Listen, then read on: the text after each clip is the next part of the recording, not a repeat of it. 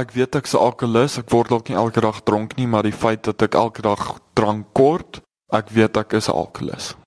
I am an alcoholic because I've tried several times to say now I don't want to drink and I keep on doing that again and again. There's a problem.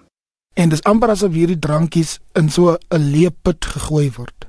En alles syfer deur. Jy gooi hom in, boem, hy syfer deur, syfer deur en hy soek meer en meer en meer. Dis 'n onversadigbare monster. Hy gaan eers versadig wees wanneer my liggaam ingee. Gegeewe daai situasie, kan ek nie meer, sal ek nie meer nie. Bid ek dat ek nooit weer nie. Die drankduiwel, 'n dokumentêr deur Iver Price. Laat ons sy, laat ons sy, laat die donker te verdwyn maar dis ek nou. Ek sien vir jou. Ek sal die kat, al die brand met 'n bottel in my hand. Ja, laat ons sy. Wat gooi ons styf? Kyk lê Tian. Tian. Klim in die kombers in man.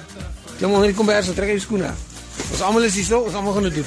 This thing is full of Dis hoe laat se 2 uur. 3 uur. Take a way to the jacuzzi. Jou sê nog steeds. Cover doesn't work. Tian. Hoe gesê dis jy? Is alright. Is jy right? Ja, okay. Dis 2 uur op 'n Vrydagoggend. Ons is by 'n woonstel naby die kuierplekke van Hatfield Square in Pretoria. Die groot gesuip vir die studente het al na die laaste klas om 3 uur begin. Eers 'n paar tequilas vir die selfvertroue, toe 'n paar biere vir die dors en later 'n paar happe brandewyn as 'n loopdop. 60 km verder ontmoet ons 'n 17-jarige alkolikus by 'n rehabilitasiesentrum. Sy naam is ook Tian. As ek wakker word, gaan shower ek, as ek uit die stort uitkom, dan het ek nog 'n handdoek om my, maar dan gaan ek en dan gooi ek my eerste drankie vir my. En so deur die dag het ek maar net aangehou drink. Baie mense drink hulle self sterk en dan word hulle groot en hulle wil net moeilikheid maak. Meeste kry hulle noem dit dronk verdriet en dan huil hulle oor elke liewe dingetjie. Maar dan kry mense soos ek wat as jy drink, jy word baie gelukkig, jy word energetic, jy gaan mal, jy spring rond, jy bring die lewe na die party toe. Dis die Tian se 4de week in die Horizon Kliniek in Boksburg. Hy staan in graad 10 en tagel sy skoolwerk so tussen die strawwe rehabilitasieprogram deur. Hy het sy eerste slukkie op die ouderdom van 12 geneem. Ek het na my pa toe geloop, ek het vir hom gevra, "Kan ek 'n slukkie kry? Ek wil graag proe proe die bier." En hy het vir my 'n slukkie gegee en van daar af het ek 'n liking in dit gekry. Ek het in die begin maar net meestal met my pa se bier gedrink en so en van daar af toe ek my eie drank begin koop het ek actually agtergekom ek het daar's meer as net bier. Toe begin ek met brandewyn en alle ander rande alkohol. Ek het meestal my sakgeld gebruik en as ek uitgegaan het om te party of na vriende toe gegaan het of wat ook al met 'n braai, het ek my ma gevra vir geld om vir my ietsie te kry om te drink. Ons het maar net gedrink vir die lekkerte. Ons nooit gedrink om dronk te word nie.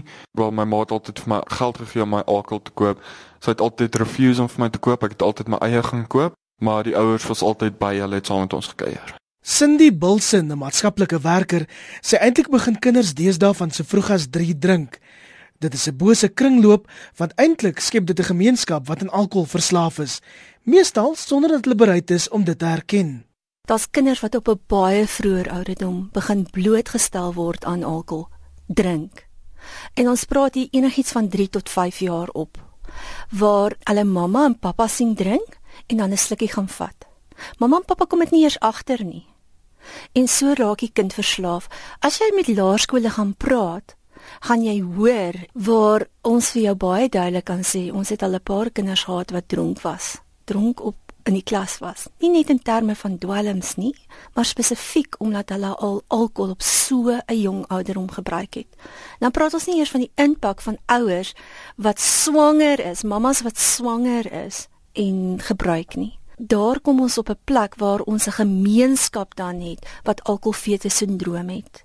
En wat maak ons met daai alkoholfetus sindroom kinders? Hulle word groot So ons kweek 'n gemeenskap wat nie in staat is om na hulle self te kyk nie, want dit vernietig breinselle. Maar nie alle alkoholverslaafdes het met drank in die huis groot geword nie. Tabani, 'n gekwalifiseerde onderwyser en rekenmeester, het drank eers ontdek na hy sy eerste graad gekry het. Vandag is hy 33 en 'n selferkende alkolikus. My parents were very strong Christians, so I had that background. That's why I didn't drink all the time and I didn't see any need to drink. But I think that the reason why I really started drinking is because maybe I was feeling a bit lonely. And at that time, I started working at the time when I also wanted to continue with my studies. I was doing become accounting. I wanted to be an accountant. That varsity was not accredited by SAICA. So I had to change that varsity and go to University of Natal at that time. Then when I got there, my father is a very proud person. They accepted me. But because the varsity that I was studying at before is not accredited by SAICA, they didn't give me all the credits. It means that I had other first year modules that I had to do. And maybe, I don't know, maybe I wanted to please my father or what, or my family or my parents, but I didn't tell them that I'm still the first year student. So with that, they always thought I was doing the second year, yet I was doing the first year. That was a problem. When I was doing my second year, they thought I was doing my final year. So whenever they talked to anyone, they were so excited that my son is going to graduate. And at the same time, deep down in my heart, I knew that ish, I won't graduate this year. And it was very hard for me to tell my parents because they were so proud, they were so happy about that. Maybe the problem, I kept it a secret. That was a problem. In die bykans halfuur lange onderhoud wat ons met Tabani gevoer het, het hy gereeld verwys na die feit dat hy as 'n student sy ouers teleurgestel het. En dit ondanks die feit dat hy intussen meer as een kwalifikasie voltooi het. Daar is nie een spesifieke oorsaak vir alkoholverslawing nie, sê Catherine Vos, die woordvoerder van Sanka, die Suid-Afrikaanse Raad teen Alkohol en Dwelmafhanklikheid. Ek dink elke een het sy eie storie en sy eie um, redes hoekom hy daar kom, maar een van die groot redes wat 'n mens wel optel wanneer mens werk met alkoholiste of mense wat alkohol misbruik, is dat mense lae selfbeeld het. Dat hulle vertroue in hulle self nie baie sterk is nie. En ons weet tog as ek een of twee drankies het, voel ek soveel sterker En dit is omdat my inhibisies weggaan. Mense voel dat alkohol 'n stimulant is, maar dit is nie, dit is depressant. Maar mense voel ek is sterker, ek het meer selfvertroue, ek kan meer sosiaal verkeer. Ek meen, kom ons wees nou eerlik. Dink nou net aan 'n troue en almal drink groen koeldrank of rooi koeldrank. Dit gaan 'n stil troue wees. Sit alkohol by en is 'n baie meer vrolike troue omdat dit jou inhibisies en jou oordeelsvermoë verminder. Catherine is al amper 25 jaar by rehabilitasieprogramme betrokke en sy sê daar is nou meer mense as ooit vantevore wat diep in die bottel kyk die mense word jonger. As ons na statistieke kyk dan is dit merkwaardig dat toe ek seker begin het in die 1980s dat jou gemiddelde ouderdom in jou rehabilitasiesentrums was mense in hulle 40s nou sit mense in hulle vroeë 30s en selfs mense in hulle 20s ek dink wat ook vir my baie merkwaardig is is dat die misbruik van alkohol onder ons dogters en ons vrouens daar was 'n tyd waar 'n vrou wat te veel drink nie aanvaarbaar in die samelewing is nie, maar dit het baie baie verander. Dis heeltemal aanvaarbaar en is nogal oulike girl daai wat haar drank kan hou en saam met die ouens kan drink en daar het dit vreeslik verander dat die misbruik van alkohol onder ons vrouens so toegeneem het. Maar terselfdertyd wil ek vir jou sê, die statistieke in ons rehabilitasiesentrums wys dat nog steeds kom vrouens nie na vore vir hulp nie. Ons het te vergeefs probeer om ook met vroue te praat oor alkoholafhanklikheid, selfs met die belofte dat ons nie hulle name sou noem nie. Die navorsing wys volwassenes in Suid-Afrika drink gemiddeld 7 liter suiwer alkohol per persoon per jaar en daar is vroue wat baie mans onder die tafel sal kan uitdrink. I got a feeling that tonight's gonna be a good night. That tonight's gonna be a good night. That tonight's gonna be a good, good night. I feel it. Alles wat ek gebou het, het ek maar net self weer afgebreek. Ek het altyd gedink daar is iets verkeerd met die mense rondom my, hoe mense my ervaar. Pleks daarvan dat ek na binne toe gekyk het en besef het dat my karakter as ook die siekte, die alkoholisme, is 'n dodelike kombinasie. Ek het altyd myself gesê, jy weet, ek kan dalk eendag gaan ek dit regkry om my drankie te hanteer. Nooit hanteer nie. Nooit kon ek nooit hanteer nie. Dit is daai insanity wat hulle van praat dat dit gebeur nou en jy spyt môre. Dan sê jy vir jouself, volgende keer sal ek in 'n beter posisie wees om hierdie ding te hanteer. En dan gebeur dit nog 'n keer en nog 'n keer. En dan kry jy dit nooit reg om dit werklik te hanteer nie. Dit hanteer vir jou. Annie woord is Melvry Adams, 'n joernalis wat as 'n musikant Metsu pas 'n serie oor sy reis met alkoholverslawing vrygestel het. Hy het in die jare 80 begin drink en terwyl hy vandag jare laas in 'n drankie geraak het, het dit wilskrag gekos om sy lewe van voor af te begin bou. Presies hoeveel doppe hy gewoonlik per dag gedrink het, kan hy nie juis onthou nie. Op die ergste het ek nie meer getel nie. Dit kon 100 gewees, kon 1000 gewees, net soveel wat my liggaam kon vat. Jy beplan nie meer die dinge nie. Jy bereik 'n fase waar jy net te doen. Jy sien 'n tunnelvisie. Jy sien net die wêreld rondom jou, die mooiheid en die pragtigheid van die wêreld rondom jou. Dis tunnelvisie.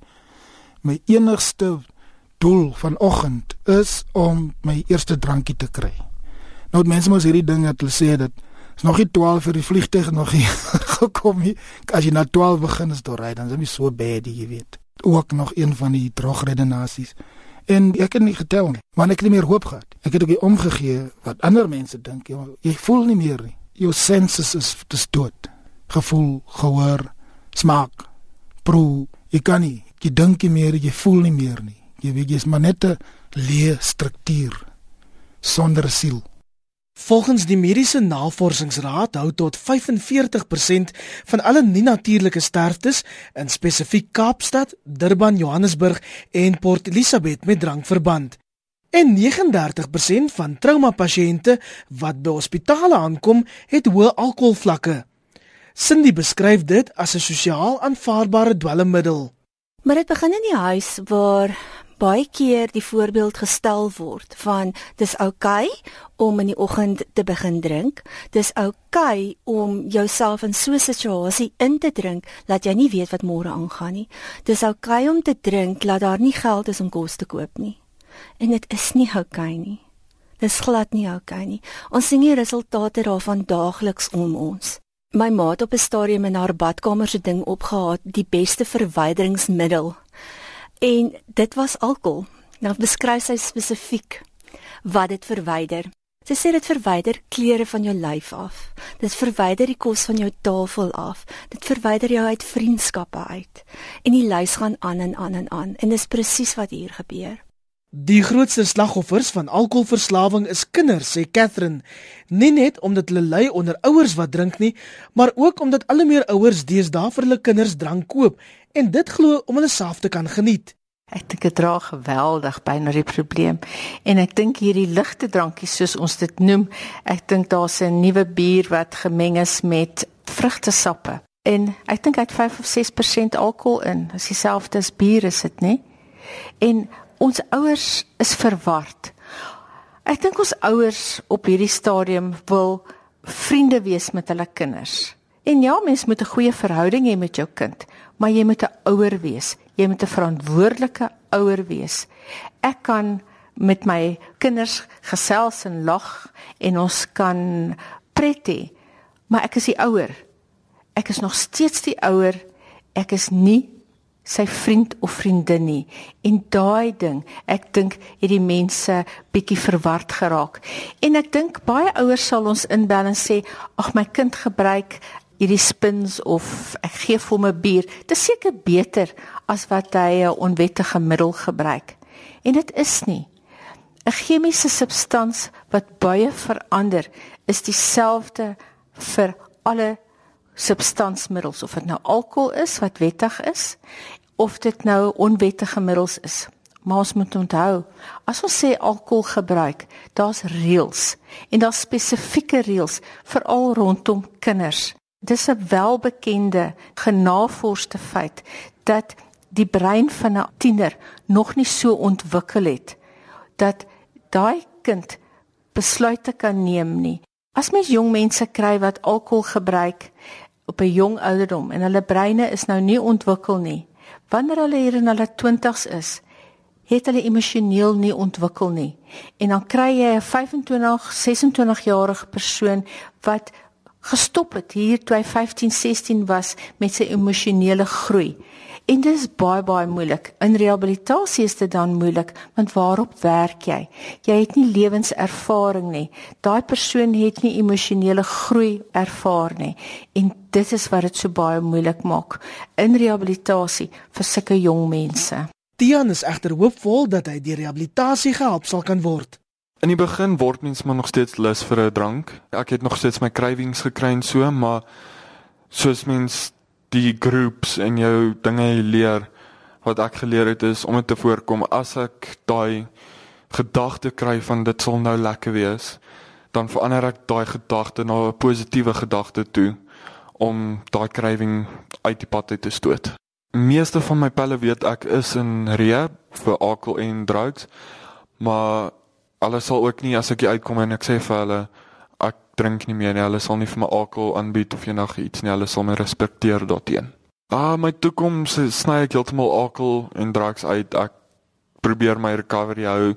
Ek gaan meer na NA meetings toe gaan en my aftercare kry. Ek wil verder gaan studeer. Volgende jaar wil ek college toe gaan. Ek wil my lewe 'n sukses maak nou. Tabani is egter meer skepties, deels omdat sy vrou te skaam is om vir mense te sê dat hy tans hulp vir sy alkoholverslawing ontvang. Hy's bang dat hy homself weer aan drank sal vergryp, soos een spesifieke lang naweek wat hy nooit sal kan vergeet nie. We left on Wednesday. On Thursday, I'm not sure if I called my wife or not. Then on Friday, I'm sure about that I did not talk to her. On Saturday, I did not talk to her. On Sunday, I'm sure again I did not talk to her. But at that time, I never realized that I've already lost the phone. I thought maybe uh, maybe I've switched off the phone or else it's somewhere. On Monday morning, we had to come back to Joburg. When we woke up on Monday, when I find out that I don't have a cell phone again, I can't remember where I slept on Thursday I slept on Friday, where I slept on Saturday, where I slept on Sunday. I only remember on Monday. That's when I started to wonder about everything. Malvry beskou sy mislukte selfmoordpoging 'n paar jaar gelede as 'n keerpunt in sy alkoholverslawing. 'n Drinkebroer het stellig sy lewe gered deur aan te dring dat hy in 'n kamer toegesluit was en dat daar fout was. My manier van dinge doen het nie gewerk nie. Dit is ook my kop gegee het my beste beste denke. En jy weet alkoholus is baie baie baie vlugvoetig van denke. En daai mense teruggekom het gewys hier is 'n groter mag wat oor my toesig hou.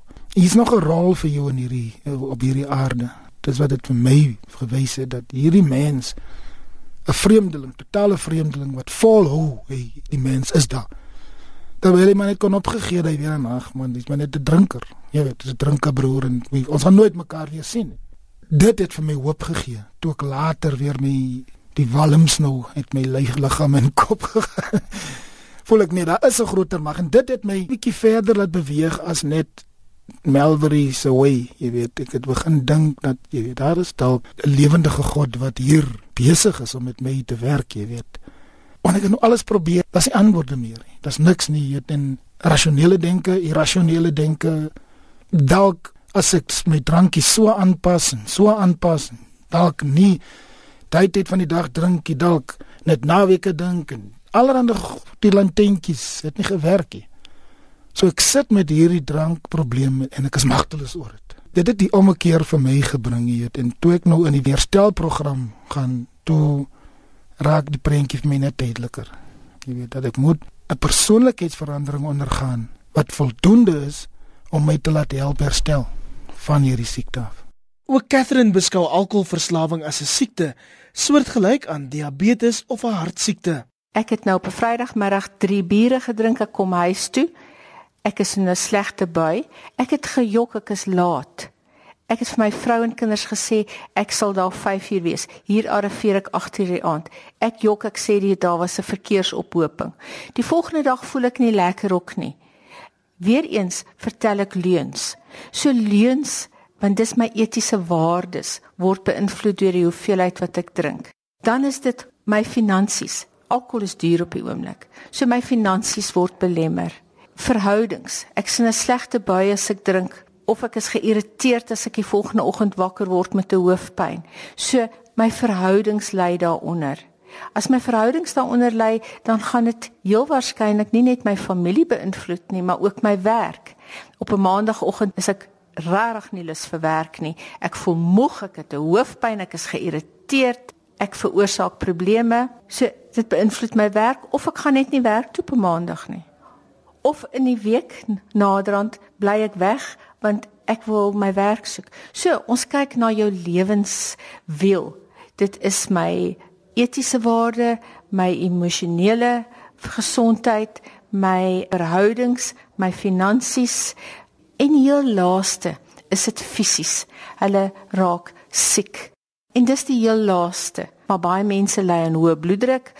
Sodra hulle ophou drink, gaan die bloeddruk tot normaal. Baie mense het hipertensie terwyl hulle alkohol misbruik. As hulle ophou alkohol gebruik, is die suiker vlakke ook tot terug tot normaal. So wanneer ek vind dat daai hoeveelheid alkohol gesonde lewenswiel affekteer, moet ek stop en sê ek gaan nou ophou. As ek nie kan ophou nie, het ek hulp nodig. Soos die meeste alkoholverslaafdes berou Tian van die besluite wat hy in sy jong lewe geneem het. Ek is spyt oor baie besluite wat ek in my lewe gemaak het, meestal oor drank en dwelms. Meestal ook oor feit dat ek besluit het ek wil sterker en sterker substances kry en die dag toe ek die eerste keer dwelms gebruik het, ek's baie spyt oor daai dag. Want nou sit ek hier en ek het baie verloor. Maar ek is besig om alles op te bou. Wat het jy verloor? Kyk, ek het baie valuable goederes verloor van voorwerpe en sulke goederes. Maar ek het ook baie karakter skills verloor. Baie van my eie identiteit verloor. Daar's leuns en sulke dinge soos beklei jou aggressie en jou depressiwiteit als word al meer en meer en meer. En dan op die einde as jy dink okay ek het dit gedoen deur aggressie dan word jy spyt daardeur. Intussen sê Cindy dat maatskaplike werkers veral raadop is oor die verband tussen alkoholverslawing en geweldsmisdade veral teenoor vroue en kinders. Ek uh, dink in 'n situasie 'n paar jaar terug waar ek betrokke was waar ons gepoog het om van die restaurante vroeër te laat toemaak en seker te maak dat hulle uh, lisensies korrek is. En ons het dit gedoen en dit word nog steeds gedoen sodat mense op 'n plek kan kom waar ons minder geweld het. As mens gaan vergelyk in terme van die polisiestasies wat hier betrokke is, sal mens sien dat baie van die geweldsmisdaad wat aangemeld word by hulle intensief gekoppel is aan alkoholmisbruik. Mense verloor beheer en dan weet hulle nie wat hulle doen nie. En dan kry kinders ook seer. Dis nie net volwassenes wat seer kry nie. Ons het dan moorde wat plaasvind. Catherine sê daar is nog te veel mense wat skepties is oor rehabilitasiesentrums vir alkoholverslawing. Maak altyd seker dat dit 'n geregistreerde rehabilitasiesentrum is, dat daar nasorg is dat daar professionele persone aangestel is om die terapie te doen. En die Sanka organisasies, daar's 29 landwyd, maar ons het net 9 binne pasiëntsentrums, maar ons doen ook buite pasiëntbehandeling en dit is net so effektief as die familie betrokke is. Die ander ding is om te verstaan dat 'n rehabilitasiesentrum daar's natuurlik goeies en daar's nie so goeies nie. Gaan kyk, maak seker dit is wat hulle program is En weer eens, nasorg is baie belangrik, familieprogramme. Sanke organisasies het vrybeddens en ongelukkig baie keer sal daar sekere waglys wees, maar jy kan die tolvrye nommer skakel en ons sal jou verwys na 'n Sanke organisasie naby aan jou wat jou kan help. Intussen beskou Melvary homself as 'n lewende getuie dat rehabilitasieprogramme kan werk. Hy het jare laas 'n dop gevat, maar woon steeds sover hy kan weekliks vergaderings van 'n ondersteuningsnetwerk by. Daar's 'n groep mense wat dieselfde probleem as jy, van die presies dieselfde agtergrond as jy afkom. As elkeen opstaan sy storie vertel, is dit jou storie. Dit is 'n direkte weerspieëling van die storie wat jy maar gelief. Storie van jou lewe vind jy daar in hy in hy kamers. Die grootste misterie vir my is jy loop deur hierdie proses waar jy stap 1 tot 12 gaan jy deur. Is 'n design for living wat eintlik opgestel word vir jou. Wat jy vir jouself moet opstel. Dis maar net daai boek, is die blou druk, jy volg dit, jy leef dit. Maar as 'n persoonlikheidsverandering plaasvind, is daar geen hoop weer eens nie. Wat die mens gaan in en jy gaan van vergaderings en jy sing die deentjie saam daarso nie en jy doen wat gedoen moet word, maar as nie persoonlikheidsverandering wat plaasvind nie. Nou die persoonlikheidsverandering is die groot misterie vir my, want wat dan gebeur? Hoe jy aan ander mense kyk, hoe jy mense hanteer, jy die kwessie van liefde, verdraagsaamheid, begrip vir ander mense situasies, hartlike toegeneentheid, vergewensgesindheid, die groot ene, vergifnis. En daar is die grootste een is, vir, is om jouself te vergewe. Dis die grootste ding. Ek het vasgesit daar by daai een want is makliker om ander mense te vergewe as wat jy om jouself kan vergewe. En ek het vasgesit by dit en dit het my lank laat huiwer op die edge, jy weet dan dan gaan jy nou weer terug en terug. Dit is 'n cleansing proses waar jy skoon maak. Jy maak vrede met jou verlede. Dis 'n proses van ontwaking, 'n geestelike ontwaking wat plaasvind waar jy die dinge wat vir jou sin gemaak het omgeswaai word, maar net in 'n nuwe realiteit. Die nuwe realiteit is 'n soort van realiteit waar jy jy's nie meer in beheer nie. Dis 'n groter mag in beheer. En dit is die grootste, dis die grootste sprong wat mens moet neem. Hy besef egter dat hy nooit weer sy lippe aan drank sal kan sit nie. Dit is 'n bewese feit dat wanneer ek 'n drankie neem, is daar 'n craving vir meer wat inskop in my. Dit gebeur nie met alle mense nie, maar in my geval gebeur dit wel. As ek een drankie neem, is daar 'n chemiese reaksie wat in my brein ontketen wat my dan meer na dinker, na dinker na nog 'n drankie en nog 'n drankie. En dis amper asof hierdie drankies in so 'n leeput gegooi word. En alles sy verdeur. Jy gooi hom in, boem, hy sy verdeur, sy verdeur en hy soek meer en meer en meer. Is 'n onversadigbare monster. Hy gaan eers versadig wees wanneer my liggaam ingee. My liggaam moet eers ingee. So gegeewe daai situasie, kan ek nie meer, sal ek nie meer nie. Bid ek dat ek nooit weer nie. Bedaagliks dat ek nooit weer nie. En die daad dat hy ander mense vir sy probleem blameer, is ook nou verby. Inteendeel, hy het juis 'n liedjie daaroor geskryf. When the world seems against you and your life's in disarray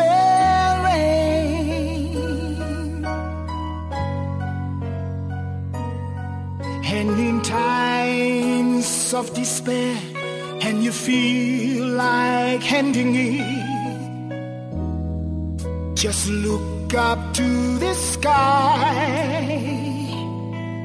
and raise your hands up high.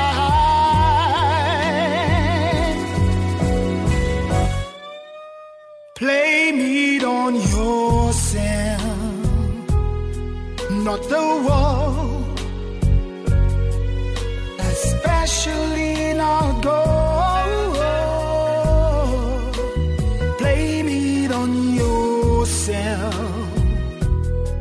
not your folks, especially not the Lord. Look inside your heart, not out there, cause in the end it's up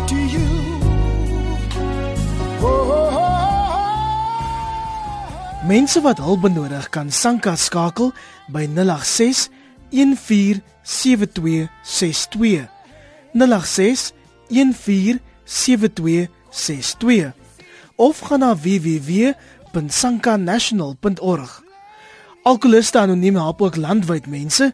Bel die AA by 061 435 722 061 435 722 Die drankduiwel was 'n dokumentêr deur Iver Price Especially not the Lord.